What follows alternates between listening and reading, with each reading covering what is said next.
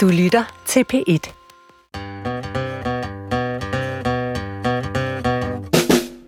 Du lytter til Vildt Naturligt på P1. Dine værter er...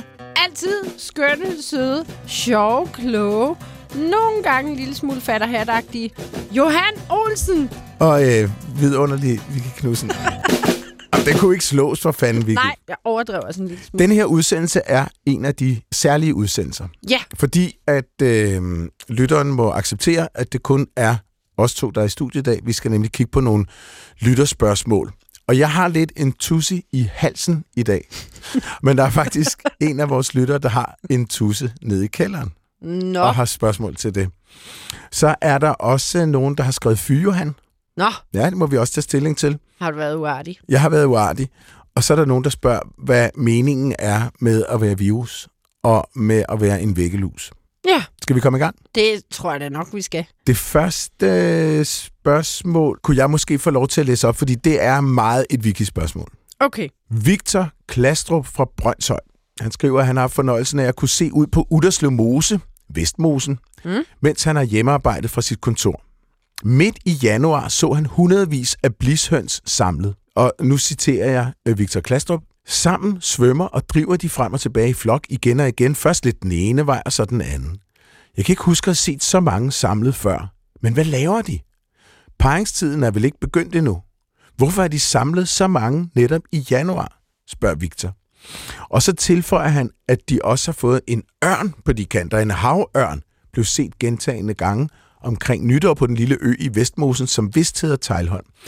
De mænd, der stiller op med store telelinser ved søbredden, siger, at det er en ung, enlig han. Blæret natur lige uden for vinduet her i København, konstaterer Victor. Men det er noget med nogle blishøns. Fordi jeg har faktisk også set de der kolossale mængde blishøns, Mm. også i søerne inde i København. Mm-hmm. Altså pludselig så er der bare øh, alt for mange. Eller Mhm. mm-hmm. for mange, det ved jeg ikke, men virkelig, virkelig mange. Og så jeg står også og undrer mig, at de er på vej et sted hen. Og det, at blishøns virker jo ikke udpræget socialt, må man sige. Nej, det er de heller ikke i yngletiden. Ja, de, er simpelthen så aggressive. De er voldsomt aggressive, og de er iskolde, om det er en and, eller en svane, eller en blishøn, der kommer ind på deres territorium. Mm. Og der er en meget usynlig linje for, hvor hvert territorium går, men de sætter en død ud af at jagte alle Mm. ud af det territorie. De er meget aggressive, Mm. og det er jo alt for sjovt, for at sige det mildt, at se mm. territoriehævdende blishøns, der skal finde ud af, hvor skillelinjerne går, fordi de, de, altså først så begynder de jo sådan at cirkle rundt om hinanden, så løfter de ligesom vingerne en lille smule, Ja. og det er både hund og hanner, der er aggressiv, og så lige pludselig, så står den bare på vandpadling for alle. Altså, de lægger sig Ja. på ryggen og sparker til hinanden. Shit, ja, jeg har set det. det Ja, ser- og det, og det er jo i sig selv rimelig crazy. Men det, sådan er det jo, når man skal have sit afkom ud i verden, så skal man jo passe på det og Ja. forsvare sit territorie, hvor der er god mad. Ja. Men når det så bliver vinter Mm-hmm. og efterår, så har de en helt anden indstilling til tingene. Så er de lige pludselig alle sammen bedste venner. Og mange steder i fjorde og søer kan man netop se enorme mængder af blisøns. Og de er selvfølgelig der, hvor der er mad. Og når det er vinter, man ikke har travlt med yngle, så er det smart at færdes i flok. Okay. Bare man er mange nok. Så det er simpelthen for at forsvare sig mod rovfugle? Det er ikke for at forsvare sig, men der er en lidt større chance for, hvis vi ligger øh, 400 sammen, og havørnen kommer forbi, så er der lidt større chance for, at du bliver taget frem for mig. Nå, gud. Ja, Det skal jeg huske på. og så ligger de jo sikkert også lidt mere trygt og varmt og godt om natten, når de ligger lidt mange sammen i de kolde perioder. Ikke? Altså, Ja. og, og man kan jo se det her med mange fugle. Kravfugle holder jo også til store kollektiver om vinteren, og er meget mere territoriale Mm. i yngletiden. Bortset fra Okay. råger, de kan godt lide at yngle koloni. Okay. Så det er simpelthen bare en strategi, og der er mange en billede af en havørn, der står og basker over sådan en flok, og alle blishønsene bliver ved med at dykke eller ender, og Mm-hmm. så til sidst er en, der er så udmattet af at dykke, og så kan den lige haps. Udmattelsestaktik. Nå ja, mm, den bruger jeg også. Ja, og så er det jo meget interessant med de her havørn i Udderslev Mose, fordi havørnene bliver mere og mere tillidsfulde. Det er som mm. om, de begynder at forstå, at de ikke er jagtet vildt mere. Og der har netop holdt havørn til, at der er en, der har snuppet en gås lige foran en. Hold da kæft, en gås. Ja, det må være ret fedt at se. Det må have været meget vildt at se. Ja, de har haft det i Aarhus. Nogle meget bynære havørn. Hvis de spiser gæs, det er jo fandme bare at plukke. Ja, men jeg har set en havørn svømme i land med en grågås. Den er lidt for tung til, at man kan flyve med den, men kan altid få den op på land, og så haps den.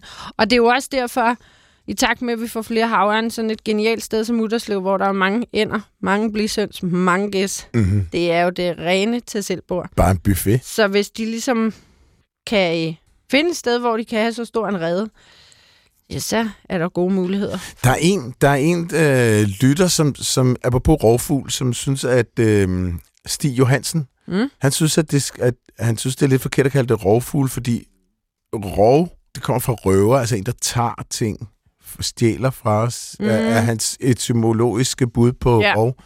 Han synes, man skulle kalde dem noget andet. Har du et bud, eller, eller skal vi bare fortsætte i rovfugl, og så sige, det er historisk? Det var en anden tid. Det var en anden tid. Det var, der uh, alt, der kunne spise menneskers mad, det var noget værre rovtøj. Ja. Om så var rovfugle eller rovdyr, det var lidt hip som haps. Det var bare noget, der skulle skydes væk og Ja. slås ihjel til enhver pris. Ja. Ærnet blev jo også jagtet på et tidspunkt, på trods af, at den øh, ikke var et roværn, men fordi den lige pludselig begyndte at spise vores grænkogler.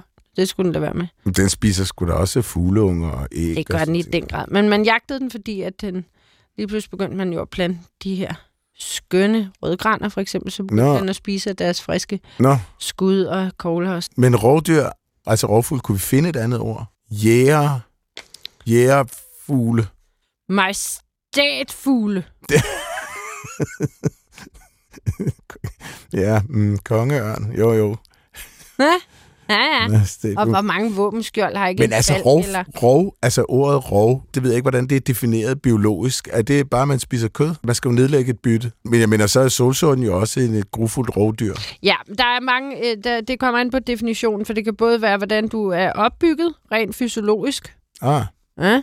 Og så kan det jo også være, altså, øh, at pindsvin kan godt være et lille rovdyr, hvis vi Mm. definerer det sådan. Så der er også forskellige definitioner af rovdyr.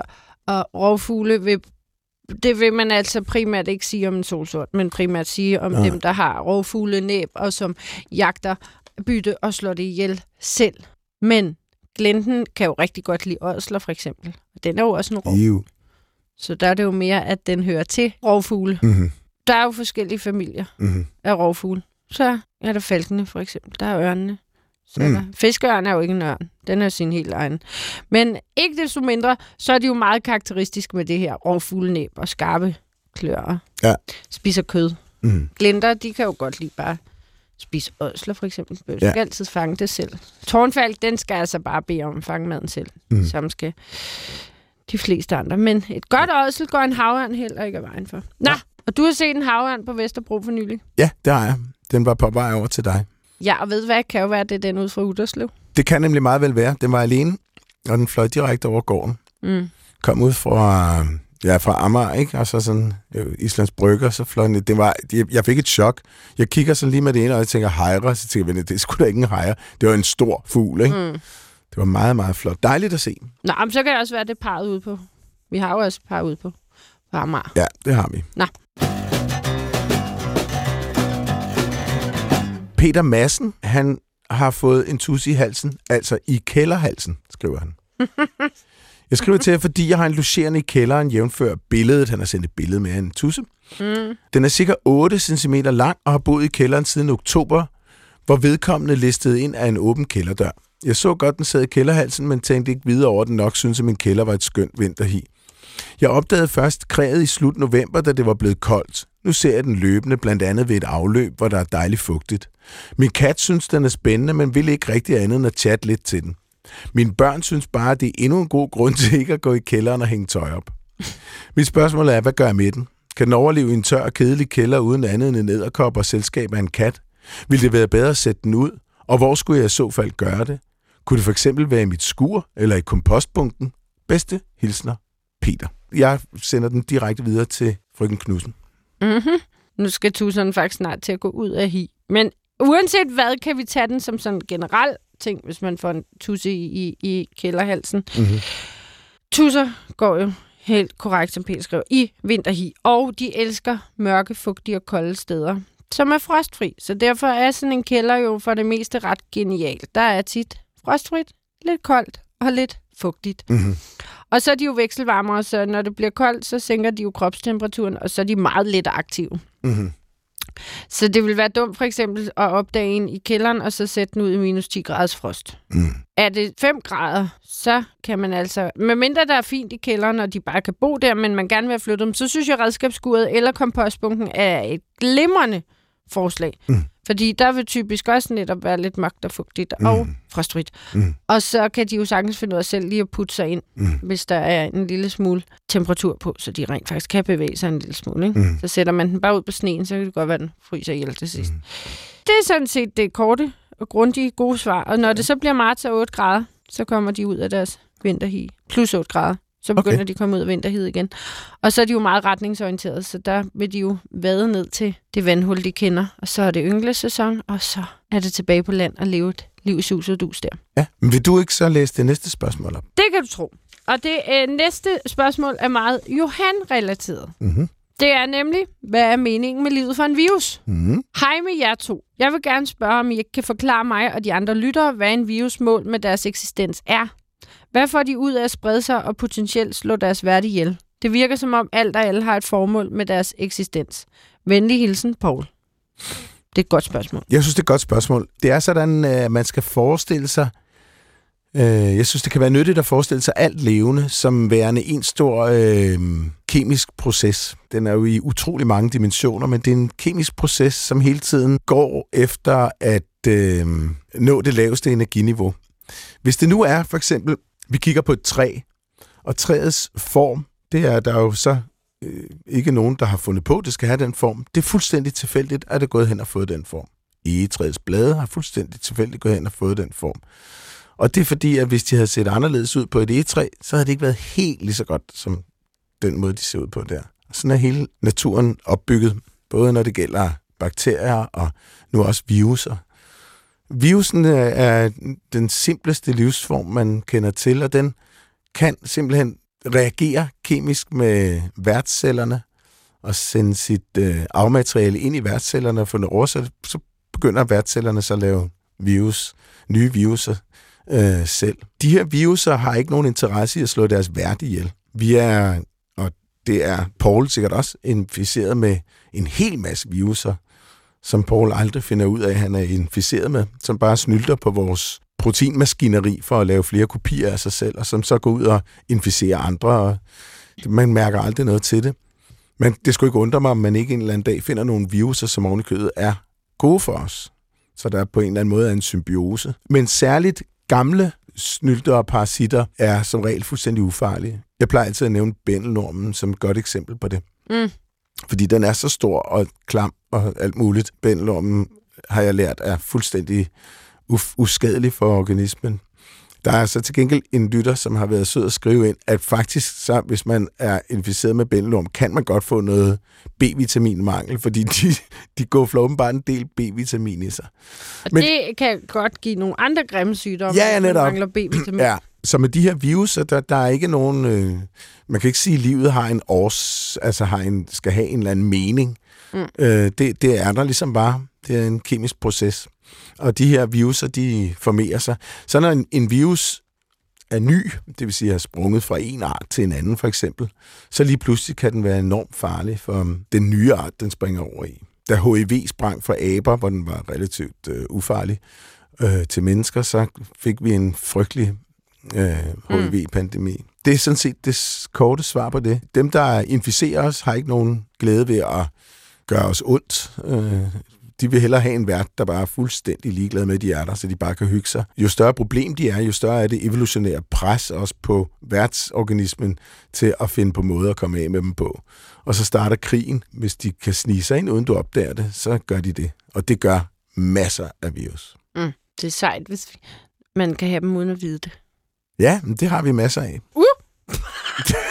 og og vi, kan, vi kan også lige nævne over for lytterne, at vi kan sidde på sådan en hævesænkestol, og den kan jo være svær at styre. Men nu kom du derned i niveau. Så fik jeg lige ramt knappen med en fejl. Men øh, bortset fra det, Ja. ja. så har jeg da øh, mange engang set kat med bændelorm. Jeg tænker på revens dværgbændelorm. Det er også sådan, den er rimelig uskyldig for ræve, men hvis vi får, der, får den, så er den potentielt livsfarlig. Ikke? Den har jo to stadier, bændelorm, ikke? Og den kan være ja. Den der igte form der. Det kan være skide farligt, være, hvis vi man får sådan have- en i hjertet. Ja, Gud, et bændelorm-program. program om Nej, det kunne være virkelig Nå, men jeg tænker bare om katten ikke også, de, så synes jeg, der er noget med, at de måske netop kan blive sådan lidt At kan- sultne. Sådan. Nå, jamen, det tror jeg, det skulle være en det. myte. Nå, okay. Nå, men det må Men vi det jo kunne finde være ud af. at have vi et skal have et bændelorm-program. Ja.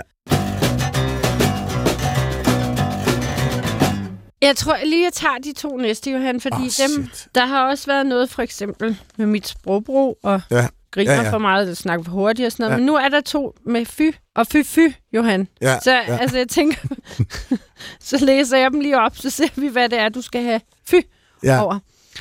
Johan, anti-waxer er ikke et pænt ord at bruge i radioen. Vi hørte det godt. Du omtaler en diskussion med en sådan. Man må mene helt, hvad man vil om ekspresudviklede vacciner. Nogle har en sund skepsis over for dem, og de skal ikke kaldes noget bestemt andet end almindelige reflekterende mennesker. Fy, og tak for et ellers hyggeligt program. Venlig hilsen, Jakob, musiker. Kære Jakob Musiker, det har du selvfølgelig ret i.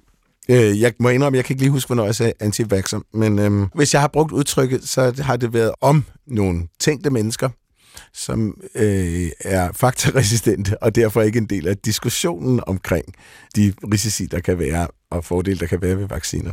Mm. Så, så det vil jeg bestemt ikke. Jeg, har, øh, jeg synes, det er en rigtig god ting at være skeptisk over for alle former for medicin, så man sætter sig ind i, hvad det er, man propper i sig, eller stikker i sin arm. Helt sikkert. Så fik vi den på plads. Ja, det gjorde vi. Så er du klar til fy-fy, Ja, Johan? ja, nu kommer der dobbeltfyr op. På, kommer ja, dobbeltfy.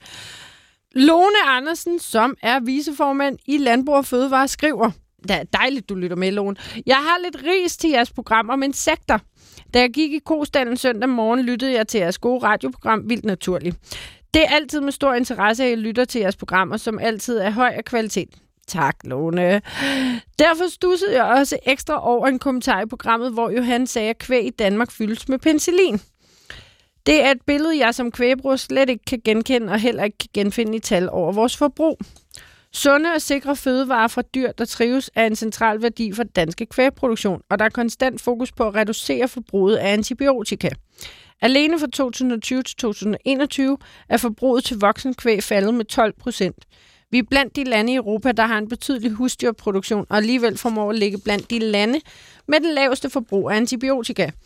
Det skyldes ikke mindst et tidlig og effektiv indsats fra os landmænd og vores dyrlæger kombineret med en restriktiv antibiotikapolitik. I Danmark er vi gode til at målrette behandling og dermed minimere forbruget af antibiotika. Venlig hilsen, Lone. Den, øh, det er modtaget Lone Andersen. Jeg vil, kan måske lige sige, at når jeg siger, at kvæg i Danmark fyldes med antibiotikum, så er det fordi, at det er, hvad jeg har hørt. Ja. Og øh, jeg har ikke øh, set på tal og statistik, og det vil jeg naturligvis gøre og evaluere det. Jeg ved heller ikke meget om emnet, andet end at jeg ved, at det netop kan være et problem for møgbiler for eksempel, hvis Det er nemlig vores rigtigt, dyr bliver øh, for meget øh, penicillin Ja. ja. eller antibiotika, Mhm. mm. at så kan de også have svært ved at overleve i møget. Ja. Så jo mindre medicin, jo bedre. Nu sagde du møgbiler, øh, og her kommer der så et spørgsmål om også om nogle biler, men det er oliebiler. Ann Uffe har skrevet, I maj så jeg på en skovsti en 5 cm lang sort bille, som målrettet gik hen til en lidt mindre af samme slags i græsset. Mm. De pegede sig Mm-hmm. og gik hver til sit. Mm-hmm. På nettet fandt jeg ud af, at det var oliebiller, men jeg har ikke kunne finde yderligere oplysninger om dem. Jeg har hverken set dem før eller siden. Det foregik på en skovsti i arboretet tæt ved Folehavens skov. Venlig hilsen, Ann Uffe, som egentlig gerne bare vil høre noget mere om oliebiller. Har du noget, øh, et relevant indspark der? Det kan jeg jo tro, jeg har. Du er altså bare en perle, Vicky. Oliebiler er exceptionelt spændende. De har en meget øh, olieglinsende overflade. Okay. Vi har fire arter i Danmark. Nå? Sort, blå, grøn og korthalset. Grøn og korthalset er meget sjældent. Sort og blå er meget mere almindelige.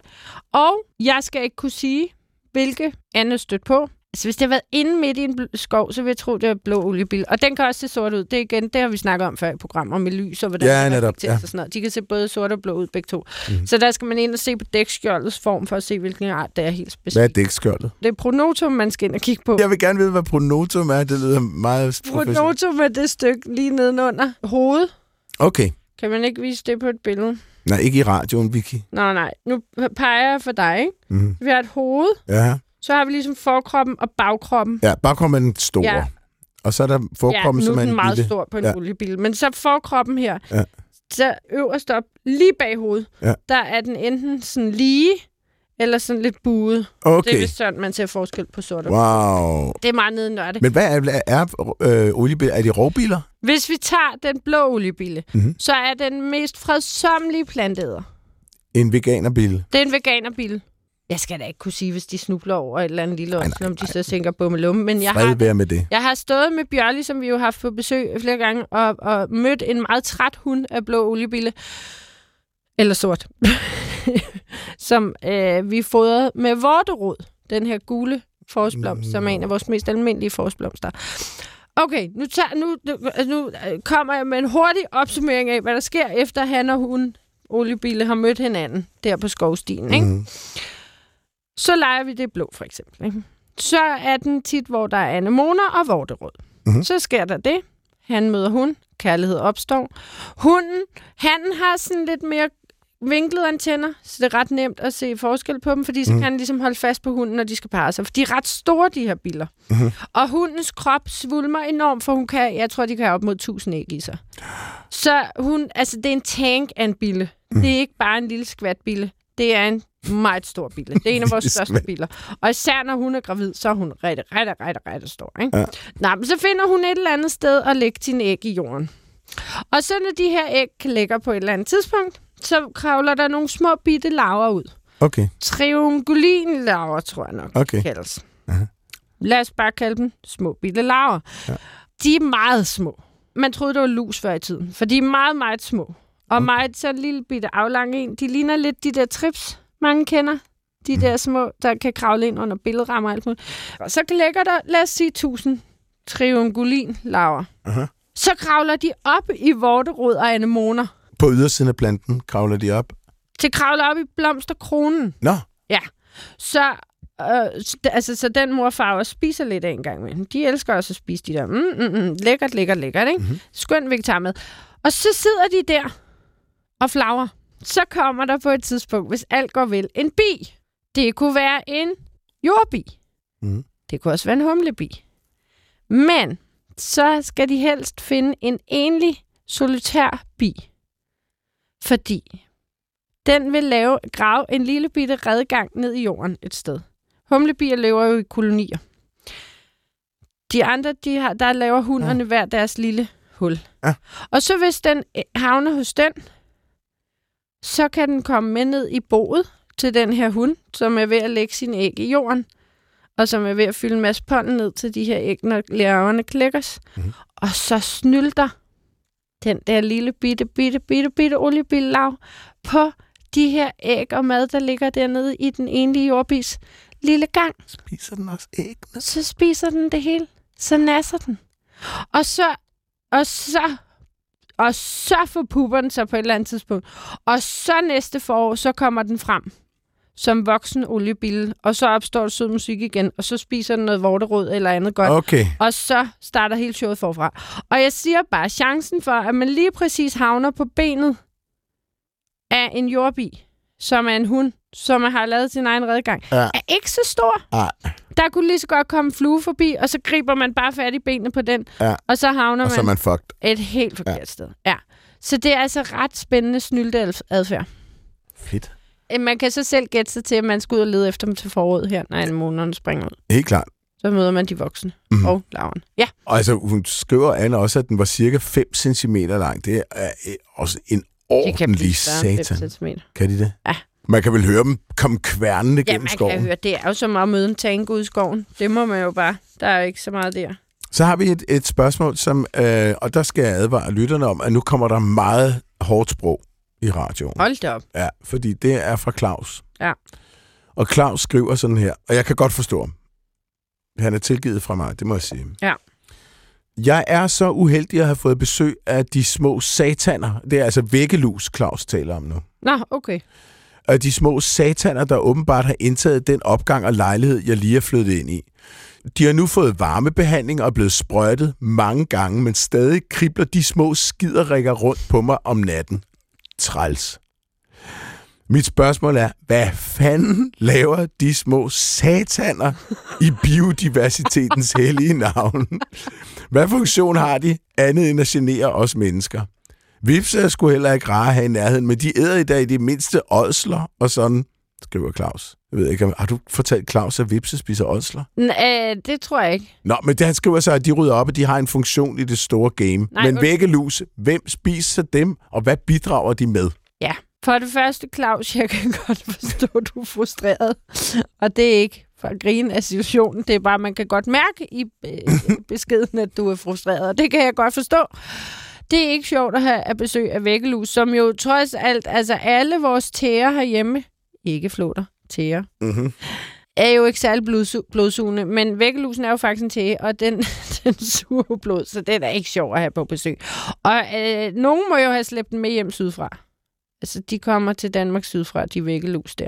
Så skulle man da ikke varmebehandle, Så så, så dem- skal man vel kuldebehandle dem. Ja, det er lige før. De kan også godt gå på andet end mennesker, men det er jo klart, det er gode forhold. Så, Så Claus skal købe sig en kat, så går de på den i stedet for.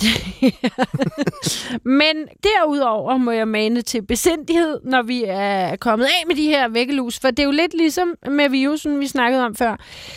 Der er ikke nogen arter ude i naturen, der tænker, så ramte jeg lige the jackpot, når det kommer til at være til nytte for mennesker. Sådan er det simpelthen ikke nogen Nej. andre arter, der tænker. Der er ikke én art, der tænker, kan vide, hvad mit formål er i livet. De tænker på at overleve, formere sig og gøre, hvad de er bedst til. Og det samme gør væggelus og viruser og bakterier. Og, og Vicky og Johanna Gunnar. Altså, vi, vi gør vores bedste. Mennesker er måske lidt mere reflekterende. De, vi, der er en hjerne, der gør, at vi kan lidt flere ting. Men væggelus, de skal ikke have noget formål andet end at være væggelus. Og så er det, vi tit med alle arter tyr til, nå, men altså, gedehamse, de kan i det mindste bestøve lidt. Væggelusene har vel haft, før der var mennesker, har, har der vel også været væggelus, som har boet et eller andet sted ude Ja, præcis. Altså, medmindre vi snakker hovedlus, som jo decideret er opstået på grund af os, og kun lever på os. Så ja. De er jo vidderlige specialister. Dem har vi jo helt selv skabt, kan man sige. Vi har ja. i hvert fald på et eller andet tidspunkt givet nogle lus en niche, så de blev til hovedlus. Men væggelus kan også godt gå på andet, men de er meget glade for mennesker. Og det er jo sikkert, fordi vi netop har givet dem nogle gode forhold, så vi har jo selv sørget for, at, Ja, ja. at de i den grad har fundet en god vært at snylte på der. Men altså, jeg kan godt komme med et imponerende faktum om væggelus, hvis Uh. det ligesom kan hjælpe lidt på at have dem lidt mindre. Jeg vil gerne imponeres. Ja, de har nemlig traumatisk insemination. Der sker simpelthen det, at hannerne, de jager simpelthen bare stikker javertusen ind et vilkårligt sted i hunden. Og det er fuldstændig meget, Det er ikke noget specifikt hul. Hun har jo så nogle enzymer, der gør, at hun rent faktisk kan klare det her. Det er ligesom en del af deres... Ellers ville der ikke være nogen Strategi. væggelus. Nej, men det har jo så en anden force. Survival of the fittest, som den gode gamle Darwin ville have sagt. Mm-hmm. For hannerne tænker ikke lige over, hvem de jager stikker javertusen ind i. Og nogle gange går det altså ud over en anden han. Og de har altså ikke et immunforsvar, der kan klare det her. Nej, Så på den måde udkonkurrerer de stærke hænder, de svære hænder. chokerende. Men det er ret sejt. Ja, det er da mega sejt. Sige. Som, altså, vi kan godt sige, at deres funktion er at genere os mennesker, men jeg tror bare, at deres funktion er at overleve. Ja.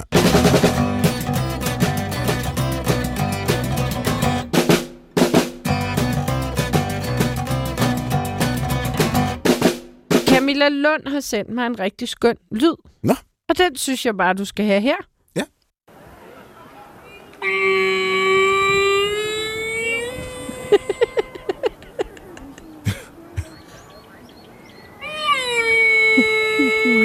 Nå. Ja.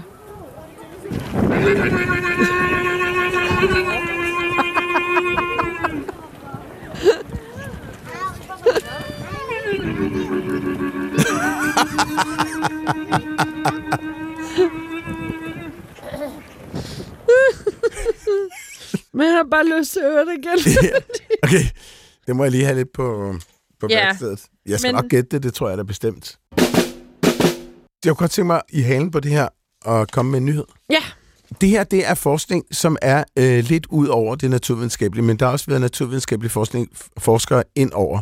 Og det er jo, synes jeg faktisk, er noget af det mest spændende forskning, der foregår for tiden, det er det tværfaglige. Ja. Jeg øh, er selv øh, en ret dygtig øh, amatør-etymolog. Mm-hmm. Ordenes oprindelse, så jeg kan gå og tykke på et ord, så finde ud af, hvor ordet kommer fra, Mm. synes jeg selv. Og der er også lidt confirmational bias indover. Mhm. Mm-hmm. Fordi når jeg tager fejl, hvilket sandsynligvis er langt i de fleste tilfælde, så glemmer jeg det. Nå ja, det er Og smart. så samler jeg på dem, hvor jeg faktisk havde Hvor ret. du ved det. Ja. Trods en del nederlag bag mig, så kører jeg på med ukulig optimisme, når det gælder at forstå ordenes oprindelse og betydninger, og eventuelt slægtskab med andre ord fra andre sprog. De professionelle sprogfolk, de har det nu heller ikke altid let. Tag nu de transeurasiske sprog, koreansk og de tyrkiske sprog, mongolsk og japansk. Ikke også? Det har, Mm-hmm. har du måske ikke tænkt over, Nej. kære lytter og kære Vik. Nå, undskyld. Men ingen ved, hvor de har deres udspring. Nå. Der er ret meget uenighed. Så et stort tværfagligt studie offentliggjort i Nature, ja, fint skal det være, i en artikel med hele 41 forfattere forsøger at komme med et svar. Forskningen bygger på et imponerende arbejde, der både har benyttet sig af genetik, arkeologi og linguistik. De mener nu at kunne sandsynliggøre, at svaret involverer hirse. Kolber. Altså den slags hirse. Hirse, ja. Nå. Grøntsagen eller, eller kornet der. Korten der, ja. Bønder, der var nogle af de første til at dyrke netop denne populære afgrøde. For 9.000 år siden. 9.000 år siden. Vi er før hest her. Ja, det var før vi domesticerede hesten Ja. og hunden. I det, der nu er det nordøstlige Kina, talte sandsynligvis et proto-transeurasisk sprog. Deres landbrugssucces gjorde, at de spredte sig ud over et meget stort område og bragte deres sprog med sig. Og det var altså hirsen, der var det helt store succes hos dem. Så når vi siger, jo tak, en lille skål rød grød med fløde lyder da besnærende, så er der måske enkelte stavelser, lyde, referencer, hist og pist til et sprog talt af hirsedyrkende mennesker i det nuværende nordøstlige Kina for 9.000 år siden. Nå, hvor spændende. Er det ikke sjovt? Jo. Nej, jeg synes, det er en fascinerende historie.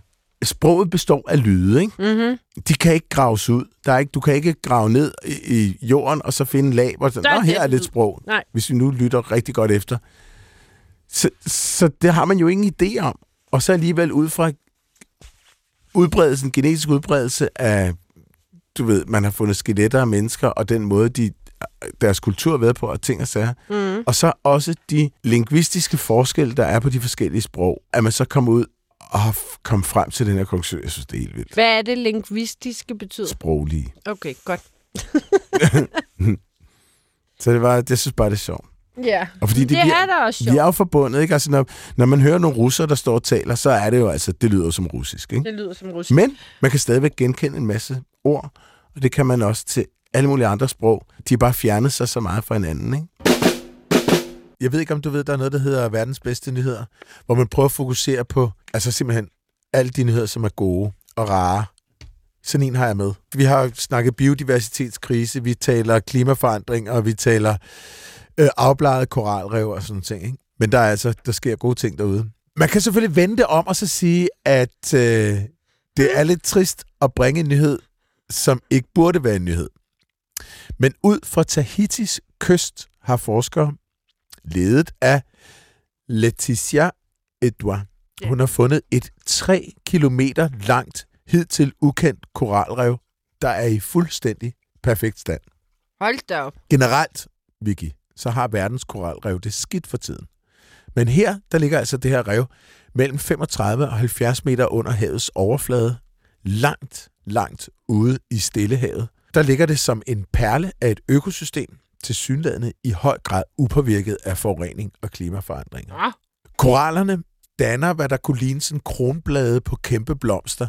Så altså udover, at det er et fuldstændig fantastisk eksempel på et helt rent og fint og glad koralrev, så er det også ret smukt at se på. Mm. Så nu skal Edouard og hendes øh, hold så til at undersøge revets biologi. Helt forsigtigt, tænker jeg. Ja.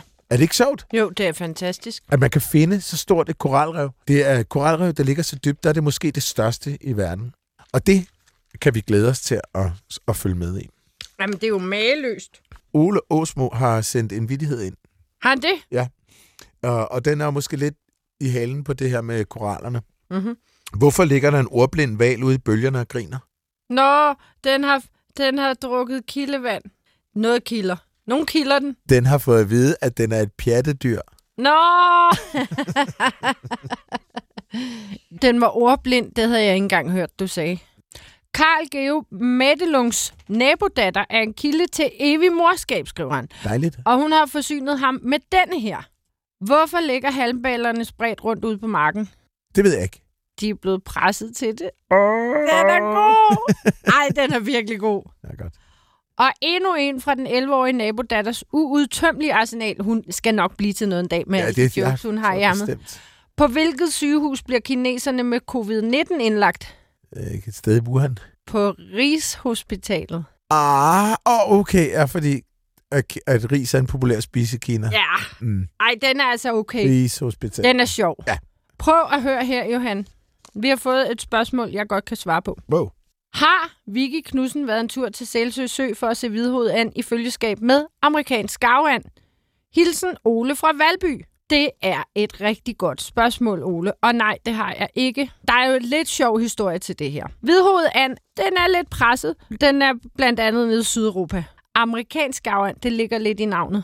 Den kommer fra Amerika. Ah. Så den betragtes som invasiv i Europa, fordi den parer sig med hvidhovedet and. De vil sige, de er sammen. Det er et par. Det kan godt være, men jeg tror, det er to hanner. Ej, hvor er det egentlig smukt. Så er der et homoseksuelt øhm, Andepar. Han, Anne, han-par i Sælsø i Sø. Sælsø Sø. Er, er det sjældent, at det sker? Det er meget sjældent. Nå. For det første, at de optræder sammen. Men for det andet, så er det første gang nogensinde, at der er set en hvidhovedand i Danmark. Det er en ny art for landet. Holy. Henrik Knudsen har vist ikke engang set en, som han så så dårligt til træl, han sendte den ind til godkendelse. Og det endnu sjovere i den her historie, det fortsætter.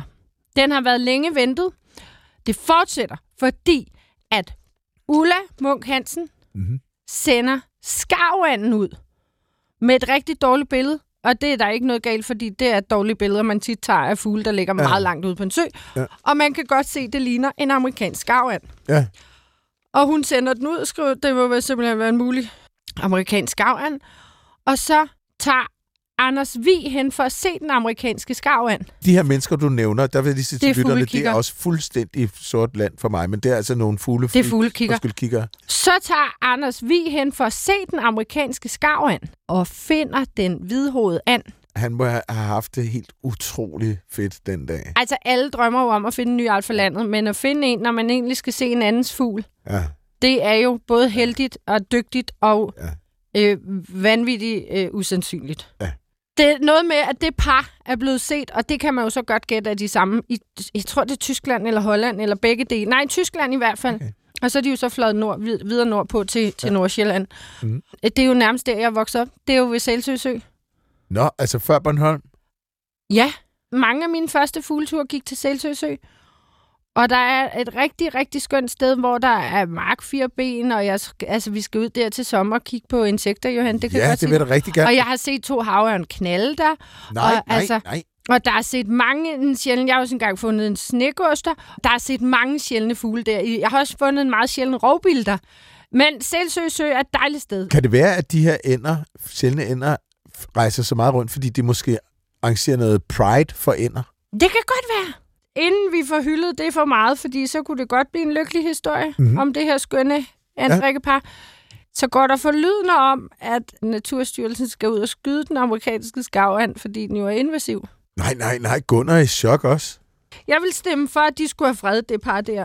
De har kun hinanden, og de er kommet langt på afvej. Og på et ja. eller andet tidspunkt er den amerikanske skavand jo nok blevet sat ud et eller andet sted i Europa, siden den lige pludselig er invasiv her. Og jeg mangler begge arter faktisk på min DK-liste. Den okay. går jo heller ikke så meget op i, så jeg har faktisk overvejet at køre forbi. Ja, jeg håber, vi har fået svaret på dit spørgsmål, Ole fra Valby. Det var et meget langt svar på, nej, det har jeg ikke. ja, det var det. Ida skriver, og den er jeg bare ret vild med. Det er faktisk et lytterspørgsmål. Hej Vicky, jeg havde en meget imponerende oplevelse i min have i dag. Jeg var ude i haven for at se til vores træer på grund af stormen, og som jeg står der og kigger op i vores cirka 8 meter høje træ, hvor der så var, hvad jeg tror er en rose slash kravrede 5-6 meter oppe. Men så fint som jeg står der og kigger, for jeg et pindsvin i hovedet. Jeg bliver lidt forbløffet, fordi den falder ud af redden, som også falder ned. Nu er Wow. mit spørgsmål, om du tilfældigvis ved, hvordan den er kommet derop. Vores teori går på, at den enten selv er kravlet derop, eller er blevet taget af det dyr. Ja, at få et pindsvin i Prøv at hovedet, det er nok meget, meget, i meget få mennesker får. Det, der er meget lille sandsynlighed for at få et pindsvin i hovedet. Altså, jeg har set folk få øh, hajer i hovedet i en øh, dokumentar, der hedder Sharknado. Men øh, og slanger. pindsvin, det har jeg alligevel ikke. Snakes on a plane, der får det dem også nærmest i hovedet. Men Det var da godt, hun ikke kom til de er så trætte af de der dyr, der evolutionært har lært at spise dem, så nu er de bare begyndt at blive til sådan nogle missiler i stedet for. Kan den kravle i et træ? Nej, det kan den bestemt ikke. Øh, og jeg tror for det første, det er mere uh, sandsynligt, det er en kravred end råred, fordi råger yngler i kolonier. Og, og kraver laver en rimelig stor redde. Så det, der er sket, er jo nok, at jeg tror bestemt ikke, kravene selv har slået pindsvinet ihjel. Jeg tror mere, de måske har fundet netop, det har vi jo snakket med Dr. Pindsvin om tidligere, ja. en ihjelkørt pindsvin. Ja. Det er jo et godt ådsel. Der er jo stadig masser af kød på, ikke? Og så har de jo sikkert slæbt den mere op til ungerne. Et er en opgave at få et pindsvin op i et træ. Jamen, kraver er stærke. Det er Ja, jo ikke er sikkert, de. det var et stort pindsvin. Nej. Altså, det er mit bedste bud. Ja, De har, altså, synes, nogen det har slæbt den derop, men Det kan jo også være, at, I der er heldige at have en rovfuglered, hvor det er et endnu større og stærkere. Ja. Altså, det kan være, at I der har en stor hornul. Det er jo en af de få naturlige fjender, pindsvinet har, en som kan gribe den. Men, men jeg tror, at hvis det sådan lige er i haven, tror jeg umiddelbart, at en krave er et bedre bud ja. end en gåsegrib og en stor hornul. Ja. Prøv at høre. Vi har fået en henvendelse fra en lytter, som har hørt fugle snakke sammen. Måske. Okay. Jeg går tit i skoven og hørte en spætte hakke. Dok, dok, dok, dok, dok, dok, og så videre. Så holdt den pause, så svarede en anden et andet sted i skoven. Kommunikerer de, snakker de om noget, advarer de hinanden, eller hvad? Nogle gange hakker spætter, fordi de skal ind til noget mad. En dejlig billelag, og så har de jo den her seje syletunge og kan hive dem ud og sådan noget. Ikke? Aha. Men de gør det også for at markere territoriet. Og vise hundspætterne. Halløj! Prøv lige at se, hvor hårdt jeg kan hakke med mit næb. Okay. Om vinteren, Ja. spætter begynder lidt tidligt. Så det kan allerede være i januar og februar. Ja. På en god solskinsdag for eksempel. Så kan man tydeligt høre en spætte sige, hør hvor god jeg er til at banke i det her træ. Og ja. så siger den anden spætte, jeg tror nok, jeg er lidt bedre. Jeg har fundet et træ, der giver mere rumklang. Og så hakker de om kap. Ja. Og så nogle gange jagter de også hinanden. Og sådan. Men så tror jeg, at hunden hun sidder Og hun hedder Mette. Mette, spætte Mette, eller Mette Spætte. Ja. Nej, det lyder godt. Uh, det lyder også godt. Nå, okay. Og hvem, kan, altså, hvem, hvem er mest hold, holdbar i længden? Hvem Ja. har de bedste gener? Men altså, så nogle gange dokke dokker de jo bare efter mad. Andre ja. gange dokke dokker de efter skrub. Ikke? Ja. Men de kan også jagte hinanden. Ja. Så de kommunikerer, synes jeg godt, vi kan sige. Ja. Mm. Og så kan spætter jo også komme med sådan noget. Der skriger de jo nærmest af hinanden, ikke? Eller Ja. til hinanden. Ja. Er Tobias og Martin, hvor at Martin skriver, Hej Vicky, min mand og jeg vil gerne smide to navne i puljen til din kommende vandrende pinde. Parentes, eller hvis de får lyst til en tur til numerolog. Signe Lindqvist og Jannik Gren. Ej, hvor er det smukt. Ej, hvor er det godt. Vicky og jeg, vi sad og talte sammen i Vejle, og så er det, at Vicky fortæller, at den ene vandrende pind er død. Og så siger jeg, det er jeg virkelig ked af at høre, Vicky. Sådan er det jo. Vandrende pind kommer og går. Øh, men den vandrende pind, der er død, hed Kårekvist. Og så er der faktisk nogen i, i yder- yderkredsen af det her selskab, der pludselig vender sig om dybt chokeret, er Kårekvist død. Nej, men det, jeg har det jo Men det er med, at jeg sagde det. Jamen, det, det, hey, Ja, du, du har jeg været fuldstændig uskyldig. til Kåre Kvist. Nej, nej, nej. Ja, men jeg håber. Kåre Kvist i det mindste er glad for, at der er en vandrende pind. Ja. Ikke en hvilken som helst vandrende pind. Nej. Den vandrende pind, der var opkaldt efter ham. Ja. Og jeg kan jo stadig oplyse, der er stadig Søren Pind, søsteren Grene og Barbara Gren tilbage. Ja. Og tak til Tobias og Martin. Virkelig god forslag. Man må godt sende flere vandrende pindeforslag.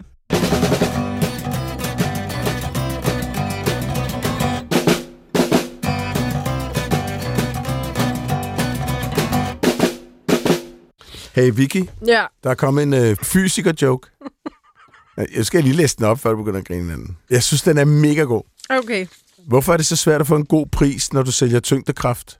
Fordi den hele tiden falder. Wow, det var sgu da egentlig et meget godt svar. Nej, det er fordi, den er masseproduceret. Nå, Der kommer kun tyngdekraft, hvis der er en masse. jamen det er sjovt. Men, men mit svar var også godt. Jeg sad en halv time og kiggede på dig tude og grine, efter du har fået ud af, at røghullet på et æren er en nødudgang. og det her, det lader dig fuldstændig kold. Det, er utroligt dejligt, Vicky. Jeg lærer aldrig at forstå dig. Nej, det var bare fordi, jeg synes, det, jeg synes mit svar også var godt. Jeg vil sige, jamen, dit Så svar var jeg mega godt, men nu drejer alt sig jo ikke om dig, Vicky. Jeg blev skuffet over, at jeg ikke svarede rigtigt. Tak det til Jonas godt. Gormsen for den her. Tusind Jeg tak, den. Jonas. Ja. Det var ikke meningen, jeg ikke ville grine. Nå, men det kan man ikke selv bestemme. Man skal ikke grine Nej, falsk. men jeg skal, også, jeg skal også læse noget. Mm. Ved I, hvorfor der kun står so på tårnet? Kom med den. Den kendte jeg godt. Det er virkelig sjovt. Kendte du den? Ja, Det er, fordi resten er logisk. Ej, lo- så logisk. Ah, Ej, det er ikke sjovt. Jo, den er Ej, det er sjovt. Ja, den er så dig. Uh, her kommer en joke fra Marie Sass Rasmussen. Hvad sagde den ene bille til den anden bille, der sprang over i køen? Hvad biller du dig ind? Nå, den var sød. Ja. Mie Kurtsdatter skriver, tusind tak for jeres program. Det er ofte samtaleemne, når min kære bror Jan og jeg mødes. Og så har Jan oven i købet lavet en biojoke til os. Ah. Hvorfor anvender man dykkerklokker? Det, det dykkerklokker. Det er, hvis man vil vise under vandet. Ja, det er jo på grund af tidevandet. Ah. Så dig. Tak, Jan. Tak, Jan. Og Nick Mie. og Mi. Ja. Nick Steffensen fra Langland. Han spørger, hvad gør kikærter, når det begynder at knibe med synet? Bruger de briller, Vicky? Nej. De bruger linser. Nå. det er sjovt. Ah, det var også god. Nå, Søren Jul Christiansen er skoleleder på Drostrup Friskole, og han har sendt nogle spændende tanker om dyrs smags- og lugtesans. Det kommer vi måske tilbage til, men han har også sendt denne joke. Hvorfor taler Atlanterhavet og det indiske ocean så dårligt sammen? Det vidste jeg ikke, at de havde så svært ved at kommunikere. det ved jeg ikke. Det er fordi, de ikke er på bølgelængde. Åh, oh, oh. Det er sjovt. Det er jo egentlig også lidt sjovt. Vands bølgelængde, det er jo ikke noget, man taler om. Nej. Det må vi lige grave lidt i. Ja. Fordi jeg har stået ved, ved, på stranden ret ofte, så står jeg og kigger på bølger.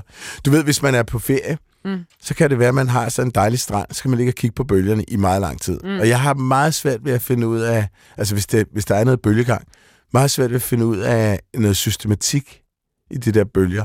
Nå ja. Øhm, det, det er ikke fuldstændig regelmæssigt, de bryder op på stranden. De er ikke lige store, Mm. Og bølgelængden er ikke den samme altid. Mm. Og det synes jeg er virkelig underligt. Ja. Det, men det må jo være fordi, at der foregår nogle kaotiske interferens-ting ude på havet, tænker jeg. Ja. Og også fordi, at den vind, der skaber dem, ikke er fuldstændig homogen. Så blæser det lidt mere et sted end et andet. Det må være sådan noget, det, det er sådan noget, jeg tænker, men, mm. men jeg, ligger altid, jeg ligger altid der og leder efter en, eller- et eller andet mønster, en eller anden...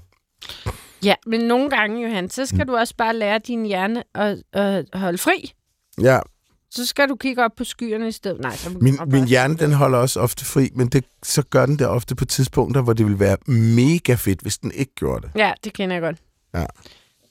Marie Sass Rasmussen, som skrev til, om det der med den ene bil til den anden bil, der sprang over, og hvad biler du der ikke også? Mm. Hun har faktisk også sendt et spørgsmål. Nej, Jo, må jeg høre det. ja. Hvorfor løber ens næse, når det er koldt? Og er det kun vores næser, der gør det, eller løber dyrs næser også? Ej, det er sjovt. Jeg var stadig i, at der kom sådan en bio-joke-svar. Nå, du var i joke stadigvæk? Ja. ja. Men det var ikke en joke, det her. Nej. Altså, jeg kan sige, at vores næ- næser løber for at undgå at blive inficeret med alt muligt, for inde i næsen sidder der nogle ret sårbare slimhinder, Mm. og der kan forskellige bakterier og ting sager godt bryde ind igennem sådan en slimhinde, specielt hvis det er skide koldt. Mm. Fordi så bliver den der slimhinde, så bliver den, så tørrer den ret let ud. Ja. Hvis den tørrer ud, så kommer der sprækker i, og så kommer klamydia-bakterierne. Og staffelkop. Eller stafylokokkerne, ja. Eller streptokokkerne. Det er nok mest dem. Og så ind, og så invadere os. Og det er jo ikke så godt. Det kan være meget farligt. I hvert fald kunne det være farligt, for, før man fik fandt på medicin. Så derfor mm. Så er næsen, går næsen bare amok og begynder at producere... Ej, hvad sjovt, så derfor den løber så meget, når man Ja. går ud i rigtig kulde. Ja, det er simpelthen for, at- for at beskytte slimhænderne. Ja. Og så kan det også være, hvis man har en infektion, så er det også en del af immunsystemet, at man begynder at skylle bihulerne og næsen ud med, mm. Så man slipper for at blive inficeret. Ja. Øh, hvis man er allergiker, så kan man også få sådan nogle reaktioner, fordi kroppen pludselig går i sådan en ligesom falsk øh, beredskab. Ja. Men er der andre øh, dyr, der er snottet? Ja, det er der jo. Ja.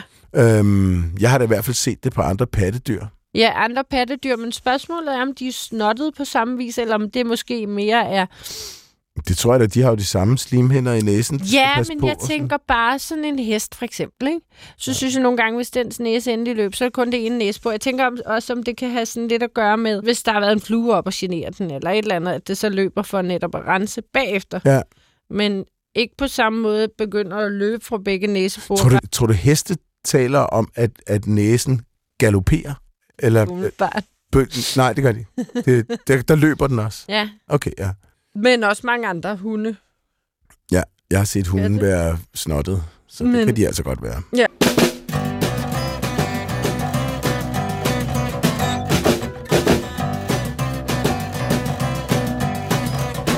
Jeg lavede øh, risotto i går. Det gjorde jeg af enorme mængder østersande, som Ja. man kan købe i supermarkedet for tiden. Og så tænkte jeg, Vicky, om vi skulle på et eller andet tidspunkt gå ud og se på vores østershand mark nede, i, øhm, nede på fælleden. Nå ja, den har vi helt glemt. Ja, Gud, tænk, hvis der er nogen, der har været og spise for søsters det er der ikke. Det er vores. Jamen, så skal vi klart ned. Men hvis nogen har taget dem, Ja. så siger jeg bare lige til dig. Så siger vi det til en voksen. Så bliver jeg bare lige rigtig sur. Det bliver Karsten. Vi siger det Vi til siger Karsten. Karsten. Ja, det lytterne vil ikke ved er, at vi kan sidde og lede efter vores mailadresse. Fordi den skal vi bruge til sidst i udsendelsen. Men det er fordi, Johan, der er kommet endnu en ode til os. Nå for søden. Den sidste, den fik vi jo lov til at synge. Det var så dejligt. Ja, og i dag er vi begge to en lille smule snottet. Mm. Så kan det være, at det bliver endnu bedre. Ja. Men denne gang er poeten Dorte Jensen. Og det er ikke en melodi, så i stedet for, så, øh, så, så, altså, så kan vi nøjes med bare at, at, at, at sige Og fremsige den. fremsige den, ja. Kan man lige sige, at den tidligere lytter, der havde lavet en sang, faktisk skrev tilbage og komplimenterede vores, øh, vores ja, sang. Jørgen, Vi blev simpelthen så Ja. glade. Ja. det var vi så glade. Tak, Jørgen. Da vi var på Ammerfældet, Ja. så roste han den faktisk bagefter for, for, Ja. for For vores performance. Så nu håber vi, Dorte Jensen også bliver tilfreds med det her. Mm. 1, 2, 3, nu! Jakken lukkes, og støvlerne bindes. Dimser i ørerne, det er lyd findes. Vildt naturligt om bier, bjergarter og bævergejl. Biodiversitet, indikator og nøglearter. Naturen har ikke tid til flere fejl. Ugens lyd, kort nyt og kloge gæster. Viden formidles, som en hjerne den fester. Alt det og mere kan du få, når du tuner ind på Vildt Naturligt med Johan O. og Vicky K. Ej, tak for det, Dorte. Vicky, inden vi slutter, må jeg ikke høre den der lyd en gang til? For den var fandme Jo, jeg underlig. blev bare lige lidt overvældet af oder og alt det. Ja. Så glemte jeg lyden. Det var en fejl, fordi det var Det var over. Camilla Elisabeth Lund, der havde sendt den fedeste lyd. Og det er en perfekt måde at slutte et perfekt dejligt program af på. Ja. Den kommer her igen.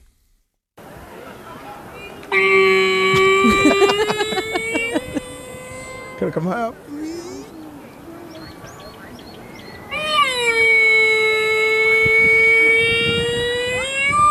Og så går vi amok.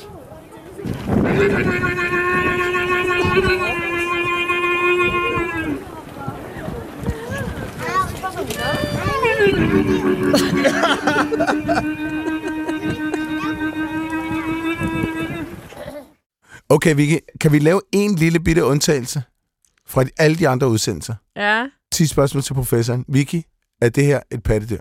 Ja. Er det her et pattedyr, der er højere end Gunnar? Ja. Er det en tapir? Nej. Så kan jeg ikke gætte det. Skal jeg vise dig videoen? Det... Hold da kæft, hvor ser den vild ud, mand. Nej, jeg er helt, jeg er helt i chok. Det har jeg aldrig nogensinde gættet. Det er simpelthen en kamel. Det er simpelthen en kamel. Det er en kamel, der siger sådan her. Til synlædende, altså vi har haft meget om adfærd og dyr, og hvornår har dyr godt, og hvornår har dyr Ja. ja. ikke så godt. Og jeg har svært ved at tolke, hvad det er. Jeg har også meget svært ved at tolke med det, men det, er vi ikke ude i ligesom Gunnar, at den måske har fået øje på en hund, eller kan lugte en hund, det men ikke må? Der er et eller andet Eller i hvert fald. Der ja. er noget, der trigger den kamel. Men Ja. ja. sjovt lyder det, det må vi bare medgive. Sjovt, at, man, at, man, at jeg som udgangspunkt i virkeligheden antog, at hvis der var et dyr, der skabte sig og sagde en virkelig underlig lyd, så måtte det være en han, som ikke kunne få Ja. adgang til en hund. Det kunne også være omvendt. Ja, det, det var dig, der tog antagelsen. Jamen, er det ikke underligt, Jo. man tager den antagelse? Men det er måske ikke så sært Men på det er måde. ligesom hver gang, regel... der er de der dårlige... Og ja, jeg siger memes, og ikke memes. Ej, jeg elsker, Sådan du er siger memes. Memes. Mm. Når der er sådan en af de der dårlige memer med en tre fugle, der sidder og ikke siger noget, og en, der åbner næb, så er det altid... Nu er jeg ikke fugleekspert, men jeg har det er tre hanner og en hund. Ja. Ikke? Jo, ja, ja. Dumt. Ja. Dumt. Og det, det vil sige, det der er jo også sexisme på et lidt højere niveau. Øh, mens det der med at antage, at det dyr, der opfører sig en lille smule sært i forhold til den sådan noget parring, at det kan være handen, fordi det er jo trods alt hunden, der selekterer som oftest. Lige præcis. Man må give det, at det oftest øh, i den store hvide verden Mm. er hannerne, der skal imponere hunderne. Ja. Dog ikke i alle Nej. tilfælde. Det var, hvad vi nåede. Tak til alle. Tak til Lytterne. Tak til lytterne. Tak til Karsten. Tak til Gunnar på god ro og orden. Tak for spørgsmål, ros og en lille bit smule ris. Man kan skrive til programmet på Vildt naturligt snablag dr.dk. og man kan høre podcasten på Det er lyd, og der, hvor man finder sin podcast. Yes. Overalt. Ja. Lyt, lyt, lyt, lyt, lyt. Dy, lyt, dy, lyt, dy, lyt. Tak for i dag. Tak for i dag. Nu vinker vi. Klem. Hej, hej. Au, for helvede. Du vinkede dig selv i hovedet. Hold nu kæft, Vicky. det, Det er sygt, ikke. vil jeg måske Nej, aldrig glemme. Hej, hej. Nej, ja, det var da lige lidt voldsomt at slutte på den måde. Ja, det jeg da. Nej, nu vågnede Gunnar også. Hej, skat. Ja. Mor er okay. Okay, lille skat.